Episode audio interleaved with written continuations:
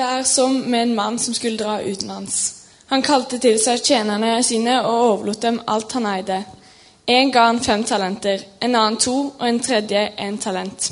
Etter det hver enkelt hadde evne til. Så reiste han. Han som hadde fått fem talenter, gikk straks bort og drev handel med dem og tjente fem til. Han som hadde fått to talenter, gjorde det samme og tjente to til. Men han som hadde fått én talent, gikk og gravde et hull i jorden og gjemte sine herres penger. Da lang tid var gått, kom tjenernes herre tilbake og ville holde regnskap med dem. Han som hadde fått fem talenter, kom fram og hadde med seg fem til og sa:" Herre, du ga meg fem talenter. Se, jeg har tjent fem talenter til. Herren han svarte, Bra, du gode og tro tjener. Du har vært tro i lite, jeg vil sette deg over mye. Kom inn til gleden hos din herre. Og så han med to talenter kom fram og sa, Herre, du ga meg to talenter. Se, jeg har tjent to til. Herren han svarte, Bra, du gode og tro tjener. Du har vært tro i lite. Jeg vil sette deg over mye. Kom inn til gleden hos din herre. Så kom også han fram som hadde fått én talent, og sa, Herre, jeg visste at du er en hard mann, som høster hvor du ikke har sådd, og sanker hvor du ikke har strødd ut. Derfor ble jeg redd og gikk og gjemte talenten din i jorden. Se, her har du ditt. Men Herren svarte ham, du dårlige og late tjener, du visste at jeg høster hvor jeg ikke har sådd, og sanker hvor jeg ikke har strødd ut. Da burde du ha overlatt pengene mine til dem som driver med utlån, så jeg kunne fått dem igjen med renter når jeg kom tilbake. Ta derfor talenten fra ham og gi den til han som har de ti talentene. For den som har, skal få, og det i overflod. Men den som ikke har, skal bli fratatt selv det han har. Og kast den unyttige tjeneren ut i mørket utenfor, der de gråter og skjærer tenner. Stories are crucial to human life. They help us orient ourselves in the world, make sense of it. The atheist turned Catholic moral philosopher Alistair MacIntyre argues that I can only answer the question, What am I to do? if I can answer the prior question of what story or stories do I find myself a part? Now, in saying that we live by stories, I'm not talking about bedtime stories or that we live in a fictional world that we create out of our heads. Rather, I'm talking about the fundamental stories that shape our understanding of the world, answer questions about where we come from, who we are, what the purpose of life is. In this sense, stories are claims about the nature of ultimate reality. Så kjekt. Veldig godt å være her. Vi kan be litt. Kjære gode far, jeg ber om at du skal lede oss. At du skal si det du vil si gjennom det jeg skal snakke om nå. Vær med oss og led oss i de neste minuttene. Amen. What unites people? What brings them together? Armies, gold, flags, stories. Nothing is more powerful in the world than a good story. Nothing can stop it. No army can defeat it. Disse ordene ble sagt av noen veldig kjent. Vet dere hvem som sa de?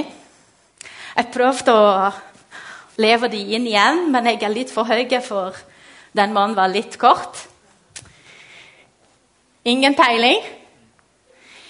Tyrion Lannister i siste episoden av The Game of Thrones. Veldig kjent mann. Historier eller fortellinger er helt avgjørende for menneskers liv. De hjelper oss orientere oss selv i verden og finne mening, sa direktøren for The Marketplace Institute for Regent College, Paul Williams, i den videoen vi nettopp så. Som kristne så forstår vi verden ut fra Guds historie. Jesus sitt liv gir mening til vårt liv. Og Jesus var en som virkelig forsto kraften i fortellinger. Teksten i dag er en glimrende eksempel på det. Jesus snakket med disiplene om hva som skulle skje med hans historie. Han skulle dø, han skulle stå opp igjen, Han skulle gå opp til himmel og komme tilbake. Og som ungdommene har lært meg å si dette er noe snålegreier. Dette er snålt. Disiplene forsto ingenting. Hva skal vi gjøre mens du er vekke, Jesus? Så Jesus fortalte mange historier i hopp av å forklare det. Og ordet talent det har sin opphav i denne historien som Jesus fortalte her. Talent var lønn til ca. 18-20 års arbeid. 10 000 kroner, og i dag kan du regne litt mer inflasjon og det der. 18-20 års arbeid, det var ett talent. Så vi kan se at denne han her var veldig sjenerøs. Han kunne ha gjort mye annet, men han valgte å gi talentene til tjenerne. Og om det var forskjell på hvor mye han ga, så fikk de mye uansett. 18-20 års arbeid er jo mye. Tenk, regner det i hodet ditt. Det er jo mye. Men likevel så er den forskjellen litt provoserende. Hvorfor fikk de ikke det samme? Og svaret ligger i at Herren var raus og god, ikke bare med at han ga, men også på hvordan han ga. Det står jo at han ga etter hver enkelt hadde evne til. Mange som vet at jeg ikke er norsk, så jeg må tie til ordboka ganske ofte. Og evne betyr en og nå må jeg klare å si det ordet her riktig her iboende mulighet. Herren han visste hva muligheter som bodde i de tjenerne der. Han visste hva de var i stand til, og han ga ansvar i forhold til det de kunne håndtere. Å vite sine evner er ganske viktig i vår identitet. Og dette har blitt sånn stor business i vår tid. Bedrifter og enkeltpersoner bruker enormt med ressurs på å finne rett person på rett plass. Har dere hørt den? Rett person på rett plass? Den går igjen og igjen. Å være en sjef som vet sine ansattes styrke, eller å ha en sjef som vet sine ansattes styrke, er jo nemlig nøkkel, en av de nøklene til suksess har jeg lært av min tid i juleindustrien. Og som vi ser, så er dette ikke noe nytt. Jesus snakka om dette for lenge siden. Og det er veldig interessant å se at måten Jesus forteller om den første og andre kjenner, følger et parallelt mønster selv om de fikk forskjellige summer eller ansvaret. Og den tredje tjenerens handling den begynner ofte med en 'men'. Det føles litt som om de to første var litt mer i fellesskap, og den tredje ville bare kjøre sitt eget løp. Å drive handel på den tida var ikke noe suksessgaranti, selv om avkastninga her var veldig grei. Det kunne ha gått ille. Men de to første de prøver likevel. Og han tredje han går nemlig og graver ned 18-20 års arbeid. Han graver det ned. Han vil ikke forholde seg til det talentet. Han vil ikke ha noe med det å gjøre. Han hadde samme haven, samme type talent som de andre men vil ikke ta noe risiko i å bruke det talentet. Ble han kanskje fornærmet at han fikk bare én? Tenkte Herren at han ikke kunne håndtere mer enn bare én? Nå vil jeg ikke ha noe med det å gjøre. Kjenner vi oss litt igjen? Hvor mange ganger sitter vi og sammenligner oss? Men han har fått det der. Hun har fått det der. Hva har jeg fått? Jeg har ikke fått. Og så går det. Jeg må si at På denne tida så var det folk var enten veldig rike eller veldig fattige. Det var ikke noe middelklasse her. Så Det var veldig riktig av Jesus å snakke om en hare og en kjenner. Hvis du ikke var blant de rike, så måtte du ha en kjenner som passet på deg. Og du skulle være litt sånn trofast tilbake til den kjenneren. Så den tredje kjenneren her, han visste jo hva som var forventa av han. Når jeg kom til Norge, så ble jeg ofte veldig sint på Gud. Hvorfor hadde jeg ikke fått noe annerledes talent? Eller flere talenter? Jeg definerte meg som jurist. Jeg skulle forandre verden. med det talentet jeg hadde fått. Jeg skulle kjenne Gud gjennom min jobb og fremme rettferdighet i et veldig urettferdig land. Jeg trenger ikke fortelle dere at Brasil sliter med urettferdighet. Men i Norge så kunne jeg ikke bruke dette her. Jeg stolte på at min jobb ga meg min identitet, min verdi. Min historie var historien om en jurist. Men jeg ville også være sammen med den jeg elska. Jeg ville ha familie. Og plutselig var de to ikke kompatible. Så var ikke den historien min historie lenger. Og da ble jeg ofte veldig sint. Men kanskje Herren som hadde gitt meg talentene, kjente meg bedre enn meg sjøl.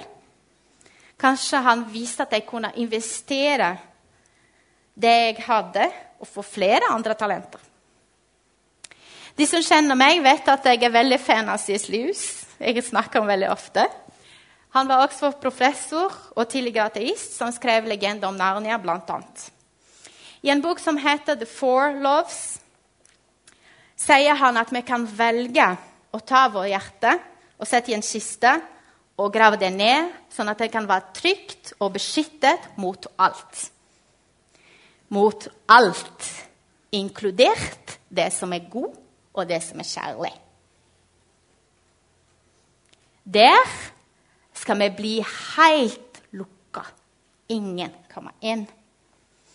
Og han sier at the only place outside heaven where you're perfectly safe from all dangers and perturbations of love is hell.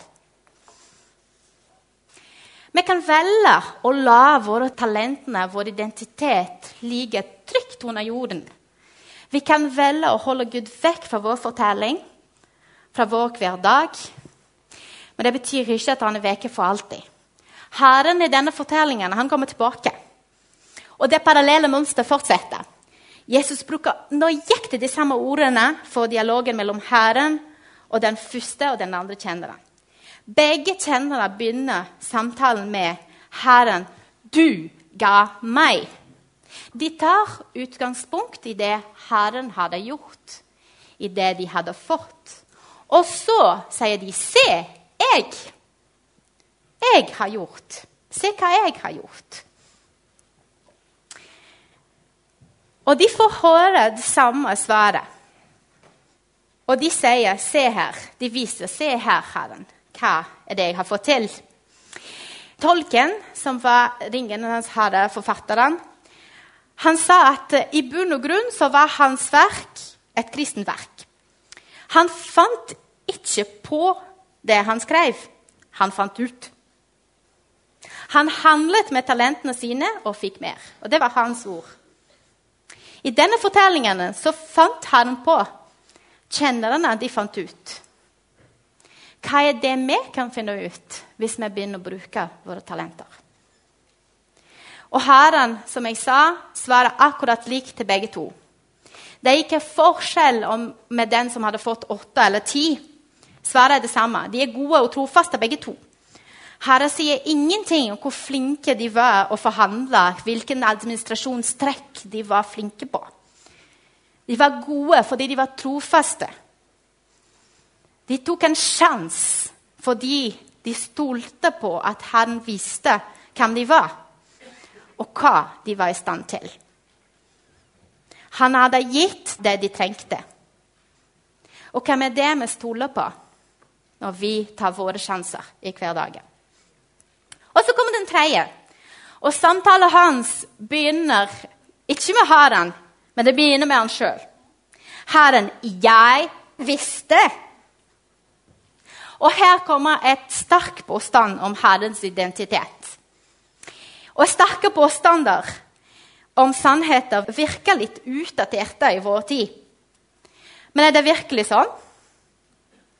En kompis her om dagen delte et bilde av starten av en bok, og den så slik ut. The special mark of the modern world is not that it is skeptical, but that it is dogmatic without knowing, J.K. Chesterton, som var antolog. Oh my gosh, look at her butt. Oh my gosh, look at her butt. Oh my gosh, look at her butt. Look, look at her butt. Look, look, look, look, look at her butt. Nikki Minaj. Dagens filosof. Vår verden later som den er bare skeptisk. Men de mange historiene den skaper, gir oss noe annet. Den tredje kjenneren kom fram og presenterte hans egen fortelling om hvem Herren var. Og I argumentasjonsverdenen så er dette en glimrende eksempel på hvordan du kan rettferdiggjøre en oppførsel uten å diskutere hva det egentlig som ligger bak oppførsel. Vi angriper karakteren til personen bak situasjonen. Herren, jeg visste at du er en hard mann. Og Denne uka har vi sett eksempel på det med en 16-åring som ble angrepet pga. det hun av saken sin. For en advokat så er svaret til haren til denne kjenneren her en fest. Han går ikke i argumentasjonscellen, men han bruker argumenten han hørte, til å avsløre hva er det som egentlig ligger bak her. Og Han føler argumentene og sier du, du visste det, du. Men hvis du virkelig visste det, at jeg høster det jeg ikke har sådd, så hadde du nok gått til banken og gitt pengene der, sånn at jeg kunne høste det jeg ikke har sådd. Argumentet faller jo ned. Og I motsetning til god og trofast så sier han at den kjenner den her, du er dårlig og late. Han bruker ikke utro. Du er ikke utro, du er late. Han visste hva som var forventet, men han valgte å la det være. Han ville ikke ha noe med det å gjøre. Og den tredje kjenneren den trengte verken høre eller hans talenter for å godkjenne sitt liv. Han klarte dette sjøl. Og det er ikke det vi blir pressa på hele veien. Klar deg sjøl, få det til. Høres det litt kjent ut, sant? Herrens sfær avslører hva er det egentlig kjenneren ville. Han ville nemlig leve uten å forholde seg til Herren. Og På denne tida var det vanlig at det minste en kjenner måtte gi tilbake til sin herre, var trofasthet. Herren i den fortellingen får ikke det engang. Han var nemlig ikke ønsket i kjennerens liv. Og Herren han gir kjenneren det han ville. Nå kan du gå ut og klare deg sjøl. Det var ikke mye gattebelisning på denne tida, altså. så utenfor Herrens hus så var det mørkt. Og de som ikke har en herre, som jeg sa i begynnelsen, de måtte streve. Så de var utsatt for vær og sult. Det var gråt og skjæring av tenner. Og dette virka litt voldsomt. Veldig strengt. Veldig dramatisk. Men bare ikke kjærlighet en dramatisk strenghet i seg. Jeg hadde en samling med noen få konfirmanter her om dagen. Og vi snakket om tilgivelse. Og de sa jo at det var veldig viktig å tilgi, at vi måtte tilgi folk, at de var villige å tilgi. Og så tenkte jeg ja, så fint. Ok, Hva om noen hadde gjort noe vondt mot foreldrene deres? Og da fikk jeg sånn kjempeumiddelbart svar. Nei! Da hadde jeg ikke tullet. Aldri. Aldri! Kjempestreng. Veldig streng. Der gikk grensa. Timothy Keller han sier at our senses of love and justice are activated together, not in opposition to each other. Folk som elsker mye, de kan bli utrolig sint fordi de elsker så mye. Jeg var ikke klar over det før jeg gifta meg. Den som gjør deg mest glad, kan få deg helt bananas av sinne.